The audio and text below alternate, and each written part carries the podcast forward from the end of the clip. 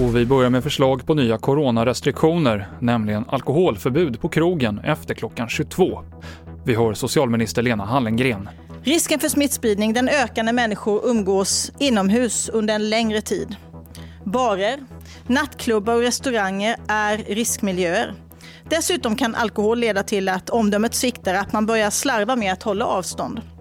Förbudet att sälja alkohol efter klockan 22 föreslås gälla från 20 november till sista februari och alla ställen med serveringstillstånd kommer behöva stänga halv elva på kvällen. Mer om det här på tv4.se.